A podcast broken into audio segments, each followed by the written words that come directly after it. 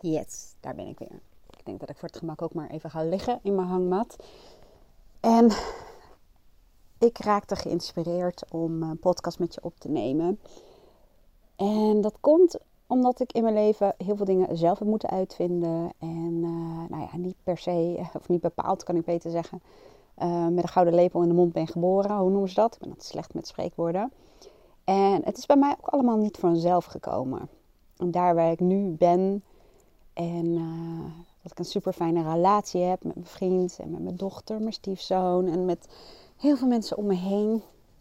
Een goed lopend bedrijf. Uh, een fantastisch, heerlijk huis en uh, de vrijheid die ik eigenlijk wil. ik zeg eigenlijk, eigenlijk is altijd een woordje die heel veel zegt.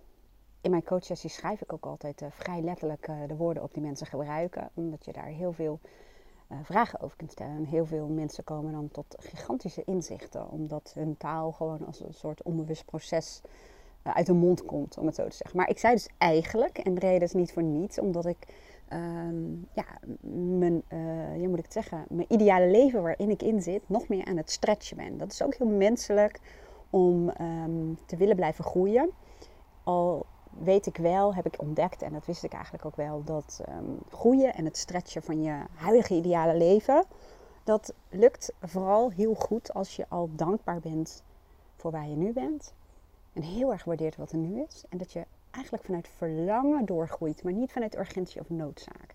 Nou, daar ga ik het vandaag in ieder geval niet met je over hebben. Dat is een super interessant onderwerp trouwens. Maar Waar ik het vandaag met je over wil hebben is als eerste, um, ik krijg veel berichtjes uh, van, uh, van mensen en soms staat het ook onder de video van waarom geef je zoveel weg? Waarom deel je zoveel? Waarom help je mensen echt met uh, methodieken en voorbeelden om hun leven te verbeteren, om zichzelf te coachen? Want zo komen ze toch niet meer bij jou. Um, dat is tweeledig. Ja, ik denk absoluut dat ik hierdoor uh, mensen help die maar weinig nodig hebben om uh, zelf stappen te zetten in hun leven. En dat is gaaf. Dat is ook uh, mijn missie. En een missie leef je. Een missie leef je met name door de dingen die je doet in je dagelijks leven, de dingen die je deelt in je dagelijks leven. En een deel daarvan is betaald en een deel daarvan is onbetaald. En het is toch iets wat ik moet doen, wat ik gewoon voel dat ik moet doen. En uh, daarbij geloof ik er ook oprecht in dat als mensen mij volgen en echt iets hebben aan wat ik deel, dat ze natuurlijk wel begrijpen dat mijn online programma's, mijn online tools, mijn online cursussen en methodieken, maar ook mijn coaching uh, nog veel waardevoller is. Omdat ik dat allemaal uh, ja, voorbereid heb, omdat ik daar heel veel tijd, uh, geld en energie in heb gestoken. Uh, met de 1 op 1 coaching ben ik er natuurlijk helemaal voor jou. Mijn programma's zitten gewoon uh, ja, goed in elkaar. En heel veel mensen komen ook juist via mijn podcastkanaal of juist via mijn video's bij mij om een online nou ja, methodiek te doen, een online programma of om een coachsessie te doen. Dus um, ja, natuurlijk is het een risico. Maar uh, nou ja, ik vind het alleen maar gaaf om te horen dat er gewoon mensen zijn die hier ook echt iets mee kunnen. En die berichten krijg ik ook veelvuldig van jullie via de app en via de mail. En um, wat ik de laatste tijd wat vaker aan het vragen ben. En ik merkte wel dat ik dat blijkbaar lastig vind. Is um, om een review op, uh, op, op iTunes, vooral op iTunes geloof ik omdat openbare reacties ook gewoon heel erg helpen bij de waardering van je kanaal. En eerder boeide me eigenlijk geen ene malle moer uh, op welke plek ik stond en hoeveel bereik ik had en hoeveel volgers ik had. Maar ik ben de laatste tijd veel meer planmatig en strategischer bezig. En ik wil gewoon zoveel mogelijk mensen inspireren. En uh, daarvoor is een groei natuurlijk van je mailinglist en van je podcastkanaal en je videokanaal wel nodig. En dan heb je natuurlijk het verschil tussen aantal keren dat geluisterd is, aantal keren dat bekeken is en de echte abonnees. Maar een van de dingen is, um, zijn reviews die helpen om, uh, ja, om het kanaal gewoon meer te waarderen. Dus nou ja, als je dit luistert en je hebt er wat aan, mij zou je in ieder geval enorm helpen. Als je de moeite wil nemen om, een, uh, om gewoon een korte review achter te laten. Misschien wil je wel een reactie over het onderwerp. Misschien wil je wel iets delen over uh, wat het met je doet, wat je ermee kan. Dus uh, nou, als je dat wil doen, heel veel dank. Maar goed, daar wou ik het niet over hebben. Um, ik wil het eigenlijk, dat zei ik al, er zijn twee dingen die ik met je wil delen. Nou, het eerste heb ik gedaan. Maar het tweede is, je hoort trouwens de hond die uh, balletjes aan het rapen is. Vindt hij leuk. Maar uh, het tweede is eigenlijk, um, ik heb geïnventariseerd. Ik heb elf methodieken die ik al jaren gebruik voor mijn klanten in mijn praktijk. En die ook een ja, bewezen uh, effectiviteit hebben door uh, onderzoeken die zijn gedaan. En ik zie het natuurlijk ook in mijn eigen praktijk. Ik vind het resultaat van mijn klanten gewoon het allerbeste bewijs. Dat staat nog boven onderzoeken die wereldwijd zijn gedaan. Um, dat zijn ook de methodieken die ik gewoon in mijn dagelijks leven gebruik. Die gebruik ik om problemen te tackelen, om te groeien, om patronen te doorbreken, om mezelf te stretchen. En om uh, nou ja, eigenlijk toch wel vooral om te blijven groeien en te blijven genieten. En uh, je zult zelf wel merken dat je gewoon elke dag loop je wel tegen dingetjes aan van jezelf of van een ander. Zoals in mijn geval mijn valkuil om altijd heel erg veel te willen en heel veel ongeduld te hebben en uh, maar door te jakkeren in een hele hoge versnelling. En dat is iets wat, um, ja, wat gewoon een patroon is en uh, wat soms snel kan, doorbroken kan worden. Het is bij mij al veel minder geworden, zeker door bewustzijn. En soms heeft dat gewoon een tijdje nodig, omdat het een heel ja, primaire kant van je is, om het zo te zeggen. Nou, ik wil eigenlijk even één methodiek eruit lichten. En als je mij al een tijdje volgt, dan weet je ook gewoon dat ik er zo graag mee werk. Het, het, het, is echt, het komt ook uit de transformatiepsychologie en dat vind ik briljant. Want het is ook super transformerend. En dat is namelijk voice dialogue. Ik zal je eerst even meenemen. Ik heb um, jaren geleden, ik moet je heel eerlijk bekennen dat ik niet meer precies weet in welk jaartal. 2011 misschien, ik weet het niet, doet er ook helemaal niet toe. Maar heb ik een manuscript geschreven voor een boek. En uh, dat deed ik omdat het mij toen enorm hielp om al mijn verschillende emoties um, los te maken van mezelf. Dus ik ging schrijven en uh, mijn manuscript ging erover dat een, eh, een hoofdpersoon, Chloe, die, uh, nou ja, die liep gewoon tegen bepaalde dingen aan.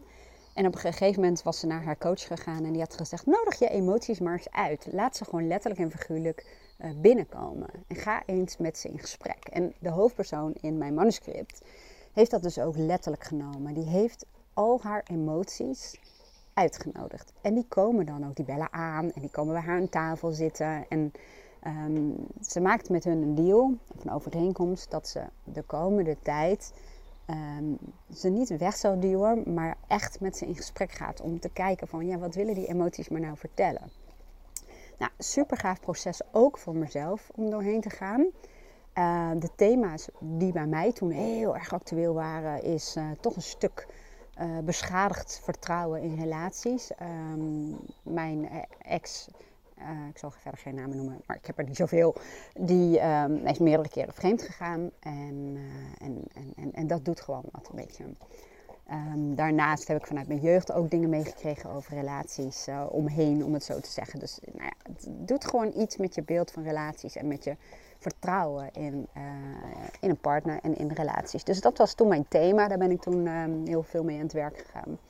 Uh, angst en zorgen waren er ook, maar ook die drukte in mijn hoofd. En ik had toen echt een hele slechte connectie tussen gevoel en verstand. Dus daar ben ik toen mee gaan uh, werken. Ik ging daar overigens ook over bloggen. En toen, een aantal jaren later, um, volgens mij las ik eerst het boek Ik en mijn Ikke. Die zal ik wel even hieronder zetten. Het is gewoon een heel leuk boek. Goed geschreven, makkelijk geschreven. Dat geeft je al een beeld van al die verschillende ikken die onderdeel uitmaken van jouw persoonlijkheid. Nou, ik ben toen, um, even denken hoor. Ja, ik ben toen een uh, dagtraining gaan doen bij, de, bij het Instituut voor Transformatiepsychologie over voice dialogue. En ik raakte toen compleet verslingerd.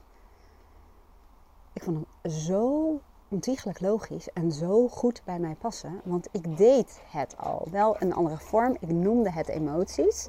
Maar nu weet ik dat um, emoties hangen samen met persoonlijkheidskanten letterlijk en figuurlijk, je kant angst neemt angst mee als emotie. Maar een, um, ja, een, een, een, uh, moet ik nou zeggen, een levensgenieter brengt vaak enthousiasme mee en plezier en een gelukzalig gevoel. Dus elke kant draagt bepaalde emoties uh, mee. Maar dat, daar kun je vast wel een beeld bij vormen. Nou, ik ben er toen uh, op een gegeven moment um, heel voorzichtig in gaan zetten in in mijn praktijk. Ik vond het in het begin zo gek ik dacht, hoe in godsnaam ga ik het verkopen dat ik mensen in gesprek zet met een van hun kanten. En meerdere kanten uiteindelijk natuurlijk in één sessie.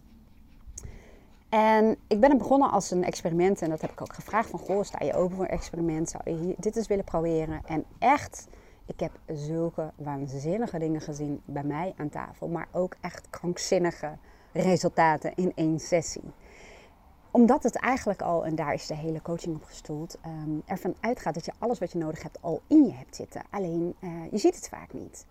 Ja, er zijn verborgen, verstoten kanten die uh, jou ontiegelijk goed kunnen helpen in je leven. Alleen je bent niet gewend om die in te zetten.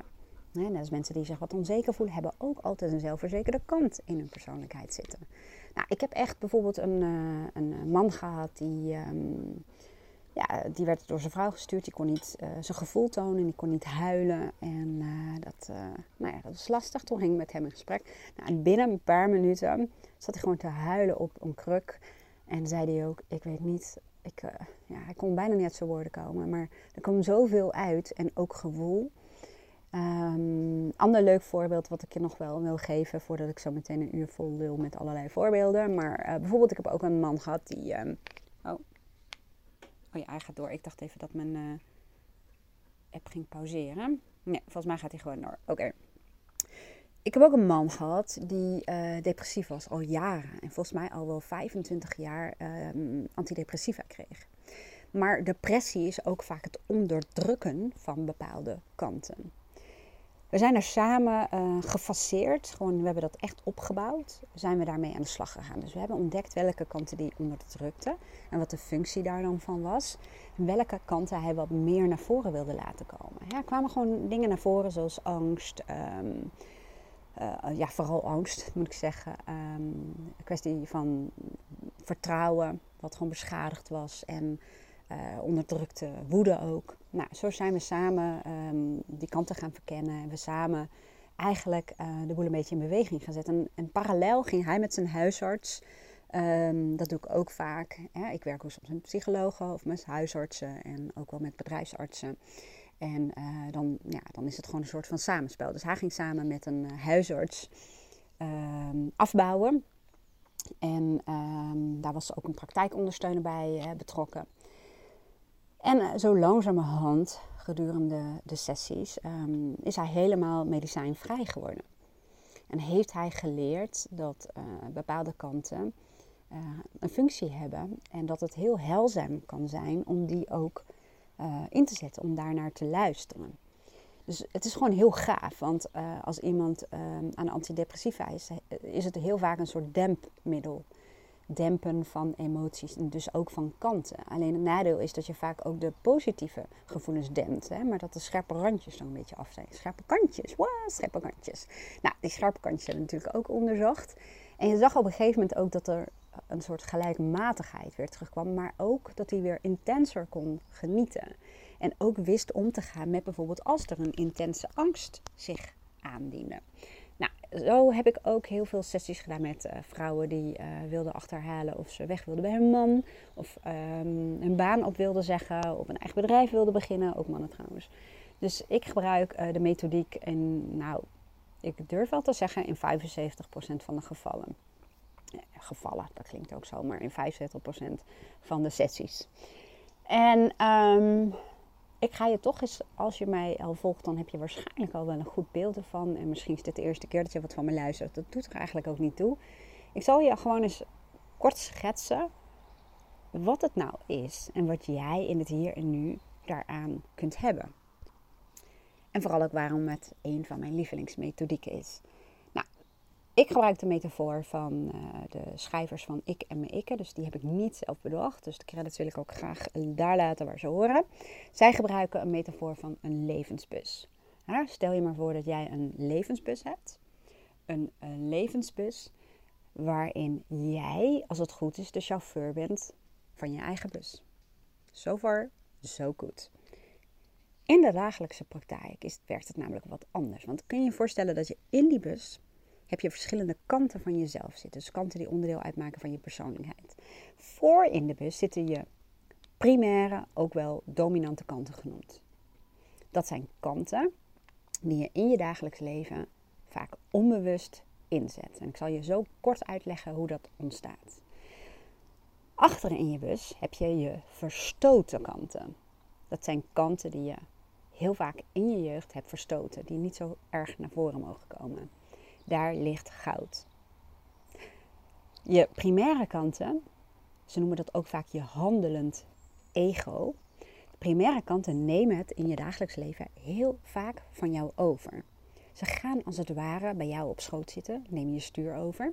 En kun je je voorstellen, als jij daar op je stoel zit, je chauffeurstoel, je hebt het stuur in handen en bijvoorbeeld in mijn geval mijn pusher komt op mijn schoot zitten, neemt het stuur over. Op dat moment dan kun je eigenlijk ook alleen nog maar uit het perspectief van je pusher naar de wereld kijken.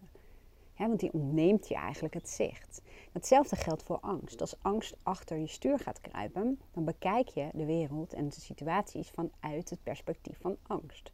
Met als gevolg voor heel veel mensen dat ze een angst of een paniekaanval krijgen.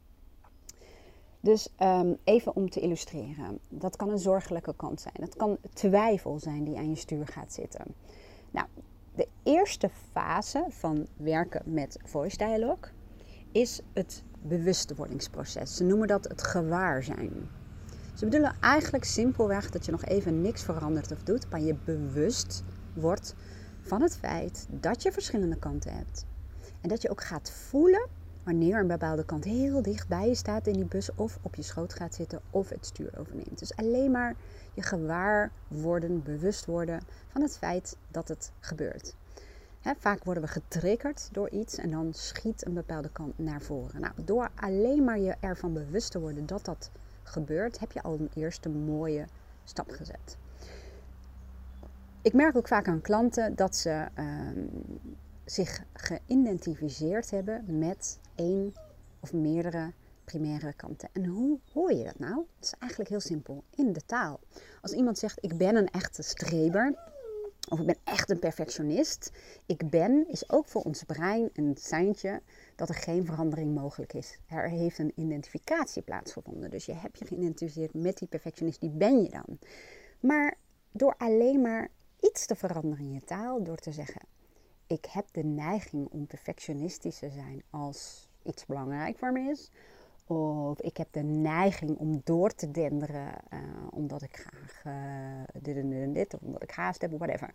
Door je los te maken en het te beschrijven als gedrag, als een deel van jou, maak je die identificatie al los en geef je je brein een seintje. Het is veranderlijk. Dus dit is ook vaak een stukje bewustzijn. Dus ga maar gewoon eens in je dagelijks leven erop letten hoe vaak jij zegt ik ben. Of ik ben nou eenmaal, of ik ben een type. Hè? Ehm, nou ja, ik kan even geen nieuwe voorbeelden bedenken, maar je kunt je er vast iets bij voorstellen. Je hoorde mij, sorry, ik heb een stukje salade in mijn keel. Je hoorde mij net ook al zeggen um, dat bij mij vaak mijn pusher het stuur overneemt. Alleen een pusher is net als de perfectionist een doorgeslagen kant. Een demonische kant noemen ze dat ook vaak. En wat bedoel ik daarmee? Het is net als met kwaliteiten. Elke kwaliteit, als je er te veel van inzet, wordt het je valkuil. Net als mijn pusher, dat is mijn initiatiefrijke kant, mijn doorzetter, mijn gefocuste kant. Maar als die doorslaat, en doorslaan in de voice dialogue betekent veelal dat je die gewoon heel dicht naast je hebt. En dat er dus eigenlijk geen evenwicht is tussen in mijn geval mijn pusher en mijn ontspannen kant. En het is dus eigenlijk een doorgeslagen kant. Net als een doorgeslagen kwaliteit. Als je er te veel van inzet, wordt je valkuil. En als je in de voice dialogue er te veel van inzet, dan wordt het je demonische kant. En dan wordt hij ook heel strak, heel ja, dominant, om het zo te zeggen.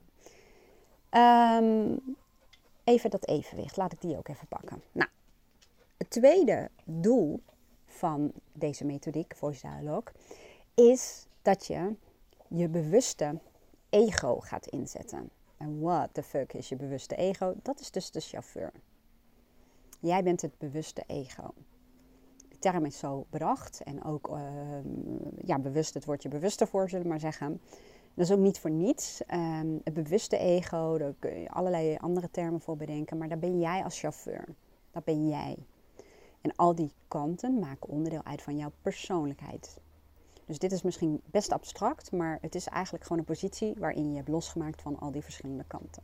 Dus hou maar gewoon die chauffeur voor ogen. Nou, tweede is dus om um, feitelijk, uh, ga, word je er ook maar van bewust dat die verschillende primaire en dominante kanten, allemaal een functie hebben. En ik ga straks uitleggen waar het vandaan komt en dan begrijp je ook hoe, hoe het ontstaan is. Maar ze hebben allemaal een functie. Ze komen niet voor niets zo dichtbij staan of nemen je stuur over. Ze zijn beschermingsmechanismes. En door niet de kanten weg te schuiven, weg te duwen, jezelf af te leiden, maar door er naar te luisteren, door wat hun boodschap is, wat ze willen vertellen, ehm, leer je dus die functie te achterhalen. En dat kan echt, nou ja, dat kan al transformerend zijn. Ik neem vaak de sessies op of ik schrijf ze letterlijk mee. En als mensen dan weer terugkomen op hun bewuste ego-plek, dan, uh, ik ga even niet uitleggen hoe dat werkt, maar dan ehm, zeggen ze ook, heb ik dat gezegd?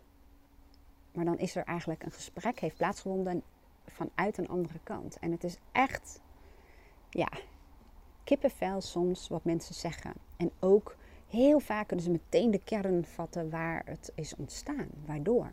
En heel vaak worden mensen dan al van bewust dat het toen functioneel was, maar nu niet meer. Het bewustwordingsproces, ehm, dus het bewust inzet, of het inzetten van je bewuste ego, vergt dat je in gesprek gaat met die primaire kanten.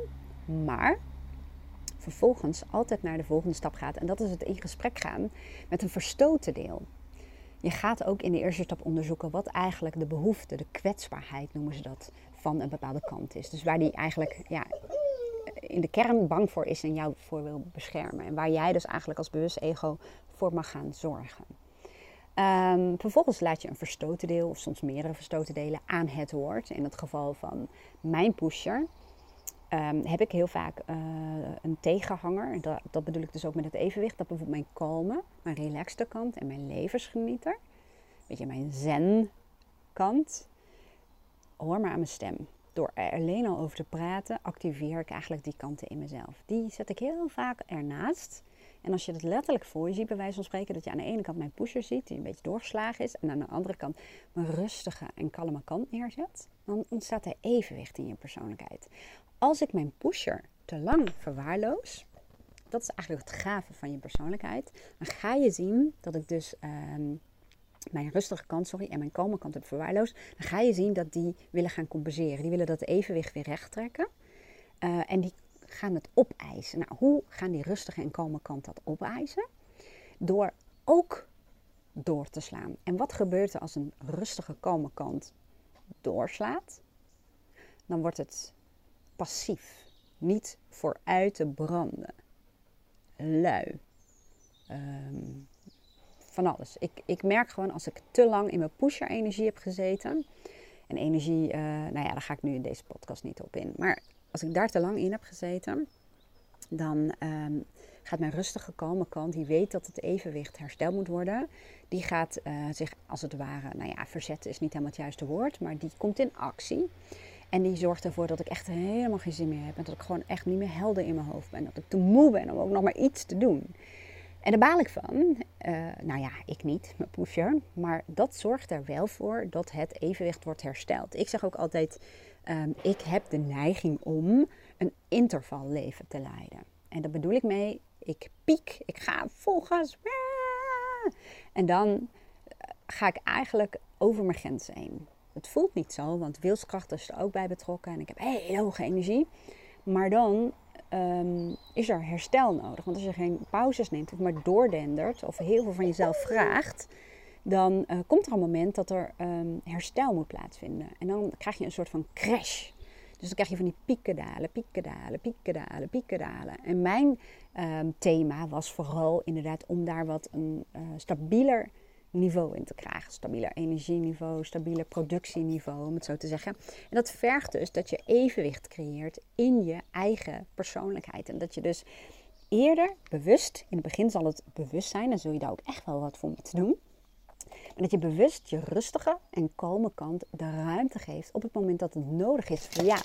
Dus dat betekent in mijn geval pauze nemen terwijl ik in een high performing peak zat. Maar toch doen.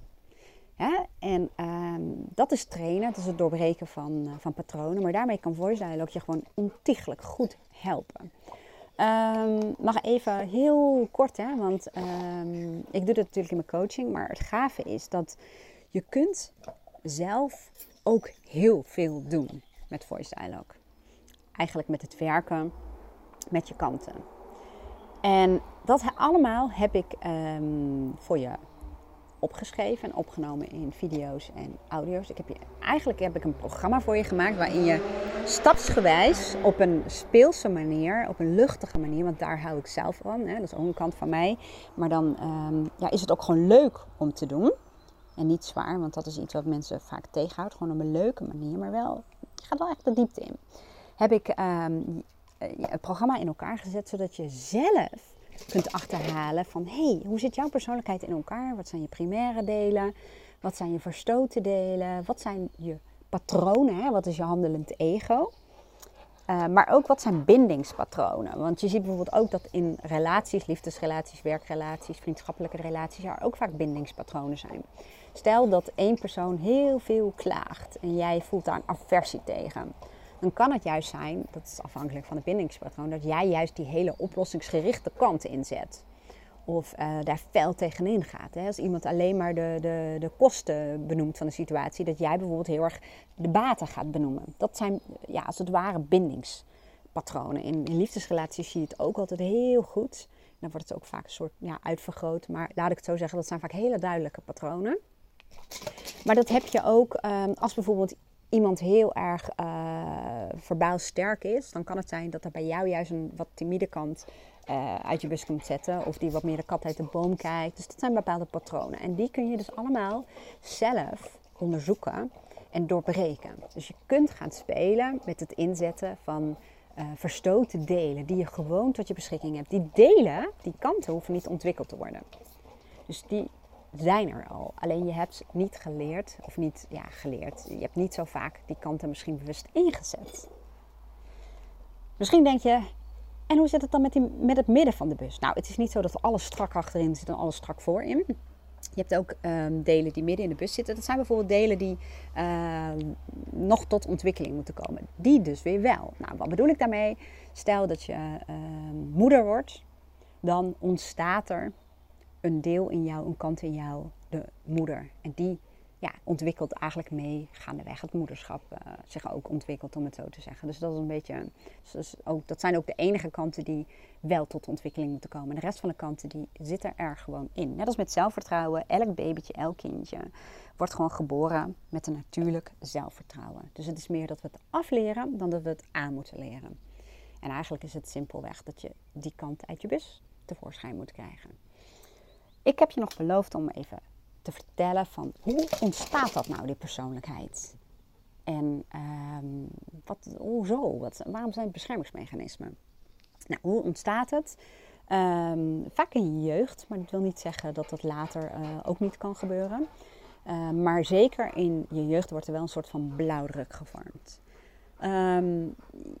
Ja, ik, ik ga even een voorbeeld noemen die ik heel vaak noem, omdat ik die zo treffend vind. Stel je eens voor twee kleine meisjes die wonen in een gezin waar drugs misbruikt wordt. Papa en mama gebruiken drugs.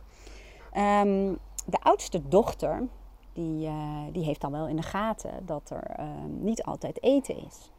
Dat het chaos is en dat er niet goed voor ze wordt gezorgd. Nou, ontwikkelt daar een kant, dus er staat een kant in haar bus op Um, en die gaat zorgen, haar zorgzame, coördinerende kant. Die gaat met de pinpas van papa en mama naar de supermarkt. Die gaat eten halen. Die probeert een beetje te koken. Die brengt het zusje naar school. Dus daar ontstaat een bepaalde kant. En dat is natuurlijk een overlevingsmechanisme. Dat niet alleen, op dat moment verstoot ze ook delen van zichzelf die er op dat moment niet mogen zijn. En je zou denken, die mogen er dan toch wel zijn als het rustig is. Ja, maar in zo'n situatie is dat het heel vaak niet. Dus ze verstoot haar eigen speelse kind, uh, haar uh, onbezorgde kant, haar onbevangen kant. En nou ja, je kunt je wel een voorstelling bij maken.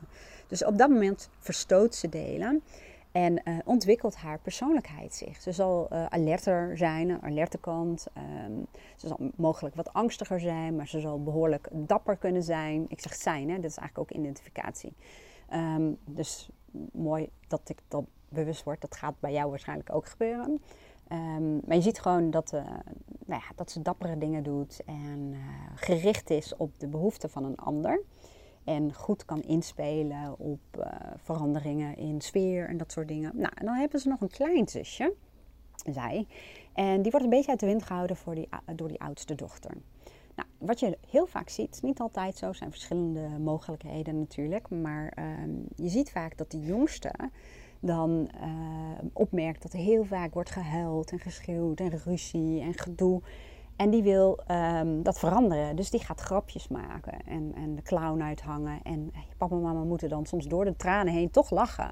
Dus ze wordt ook beloond. Net als die oudste, die wordt, oh, wordt ook vaak beloond door te zeggen... oh, die is zo, ach, die is zo lief. Die kan zich zo goed vermaken. Die hoor je niet, heb je geen kind aan.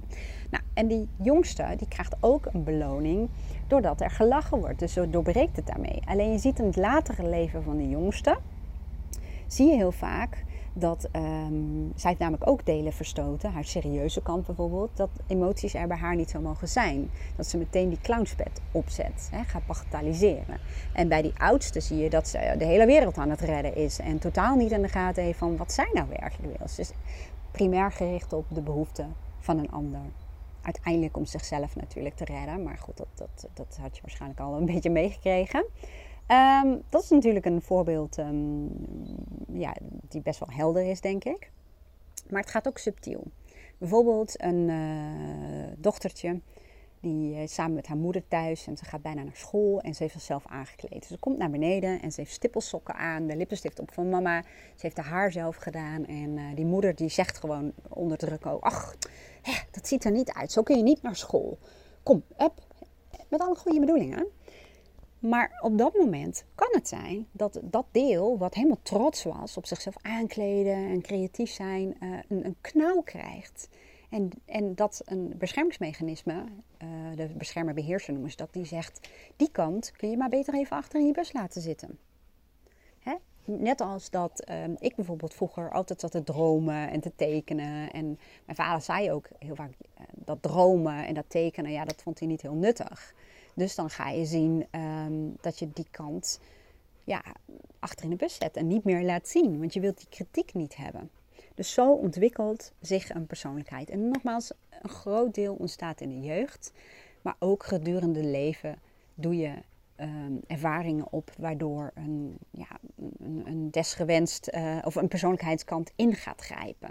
Bijvoorbeeld kinderen die gepest worden, ehm, die halen daar komen persoonlijkheidskanten naar voren. Alleen als je hier niet met bewustzijn mee bezig bent, dan zul je vaak zien dat dit soort patronen, het handelend ego en het verstoten van delen die je juist heel erg goed zouden doen, dat je dat meeneemt in je latere volwassen leven. En dat je beschermingsmechanismes inzet die op dat moment helemaal niet meer passen bij je huidige realiteit. En dan krijg je er last van.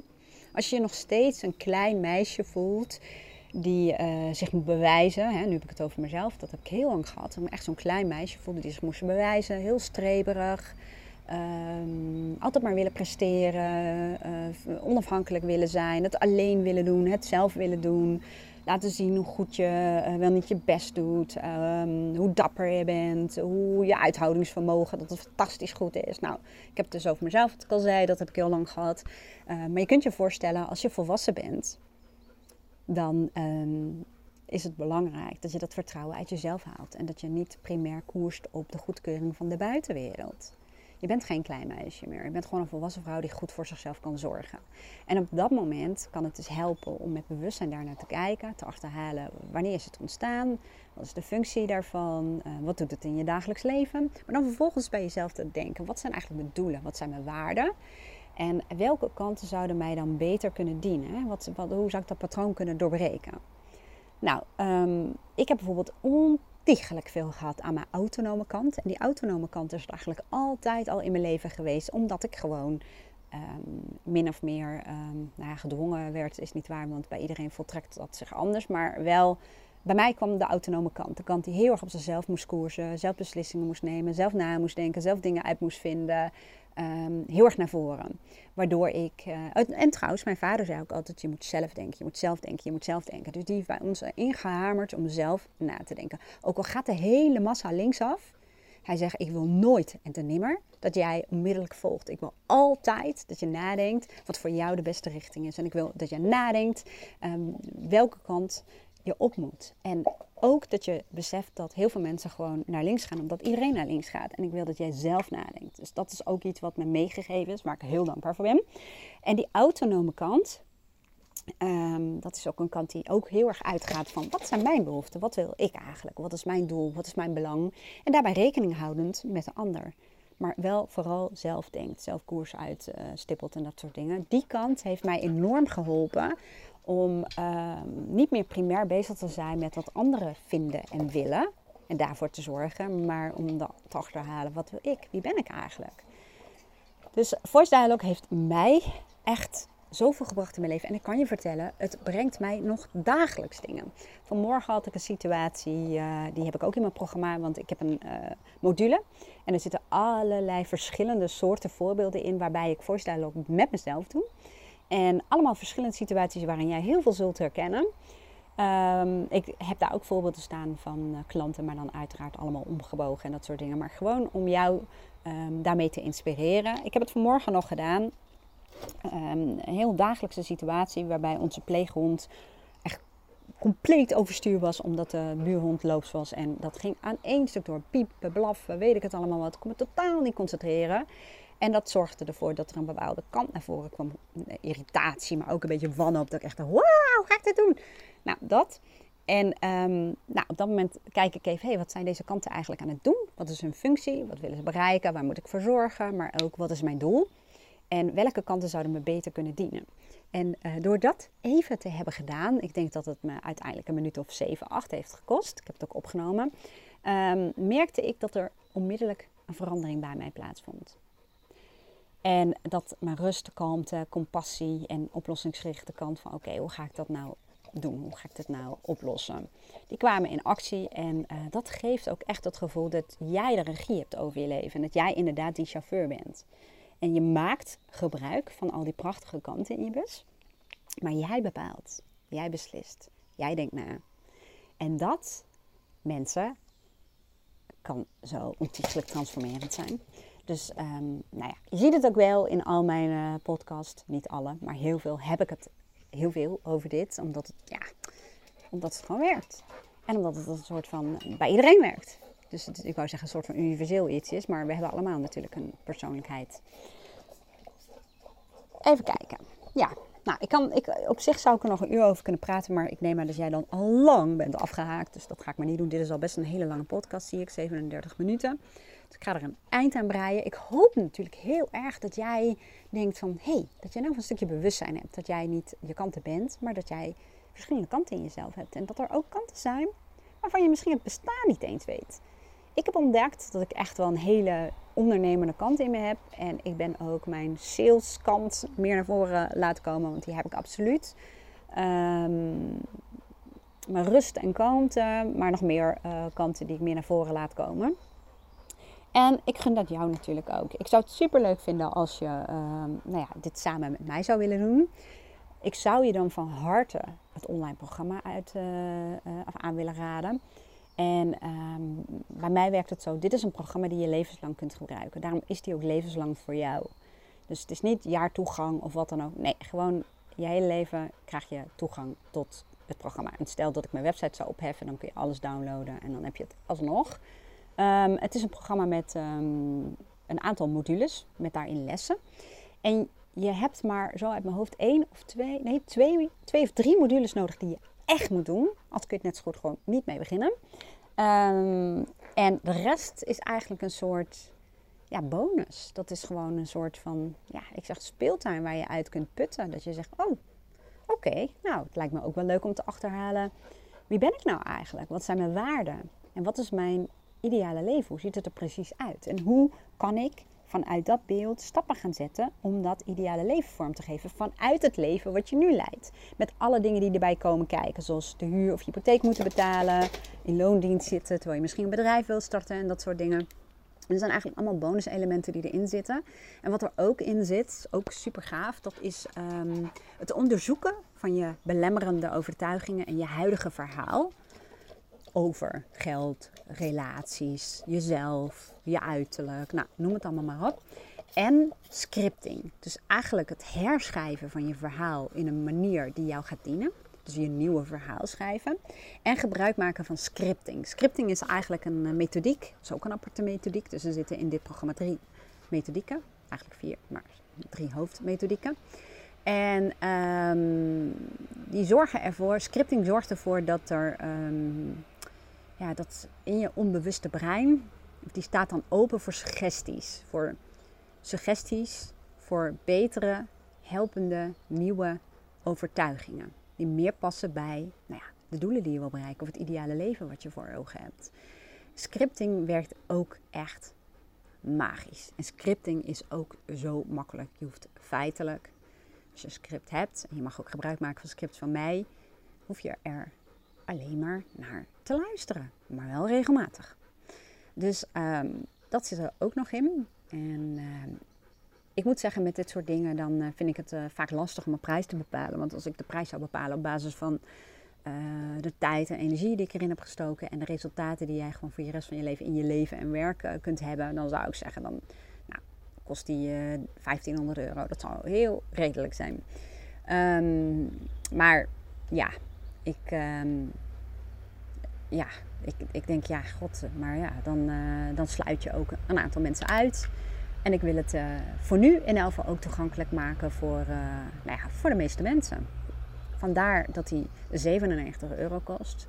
Je levenslang toegang. Die prijs betaal je ook gewoon één keer. Daarna is het van jou.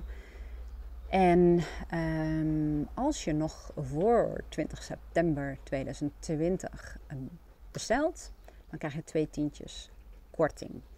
Um, dan moet je even een code gebruiken en dat is met kleine letters levensgenieter. Op dit moment staat hij nog op 15 uh, uh, september op 79 euro. Dus als je het vandaag uh, bestelt, dan, nou ja, dan hoef je ook die code, kortingscode niet in te voeren vanaf morgen. Dus wel. Um, ja, nou, als jij op een gegeven moment dat programma hebt gekocht, nou echt super gaaf. Ik beloof je, als je hem doet, gaan er echt dingen veranderen. En zul jij ook enthousiast zijn, want dat uh, hebben alle andere deelnemers ook gehad. Um, en het kan natuurlijk zijn dat je denkt van ik wil extra begeleiding uh, erbij. Um, gewoon ook een stukje persoonlijke coaching. Dat kan ten alle tijden. Kan gedurende het programma, kan ook als het programma klaar is. Kan bij de start wat je wil. Um, als je daar meer over wil weten, dan app of mail me even. Maar kort gezegd gaat het dan vaak over het bijboeken van een, uh, van een losse sessie. Dat kan via uh, Zoom online, dat kan ook bij mij gewoon in de praktijk. Um, dat kan ook door middel van review van de opdrachten. Heel veel mensen hebben daar echt ontiegelijk veel aan. Dan sturen ze mij op wat ze hebben gemaakt. Dan ga ik daar doorheen. En dan krijg je van mij echt uh, feedback waar je heel veel mee kan. Dat beloof ik je. En de derde optie is, uh, maar die is wel beperkt. Want dat is natuurlijk wel afhankelijk van mijn agenda. Dus vol is vol. En dat is dat je een strippenkaart bij mij koopt. En dat wil eigenlijk gewoon zeggen dat je bijvoorbeeld een uur tijd koopt. En dat je tussentijds je vragen mag stellen via mail of via WhatsApp. En dan ga ik je daarmee helpen. Dat was hem. Als je ervan hebt genoten, als het je heeft geïnspireerd, dan uh, laat even een like achter. Of uh, nou ja, laat even je reactie achter. Zou ik super leuk vinden. En kijk even of je al geabonneerd bent op mijn YouTube kanaal. Ik zet alle linkjes voor je onder de podcast of onder de YouTube video. Ik wil je heel erg bedanken voor het luisteren. Als je er nog bent. En als je andere mensen hiermee kunt inspireren. Nou, deel het. Ook leuk. Ik wens je een hele fijne dag. En ik hoop je natuurlijk heel erg te mogen verwelkomen in mijn online programma. En tot de volgende podcast of video. Doei doei!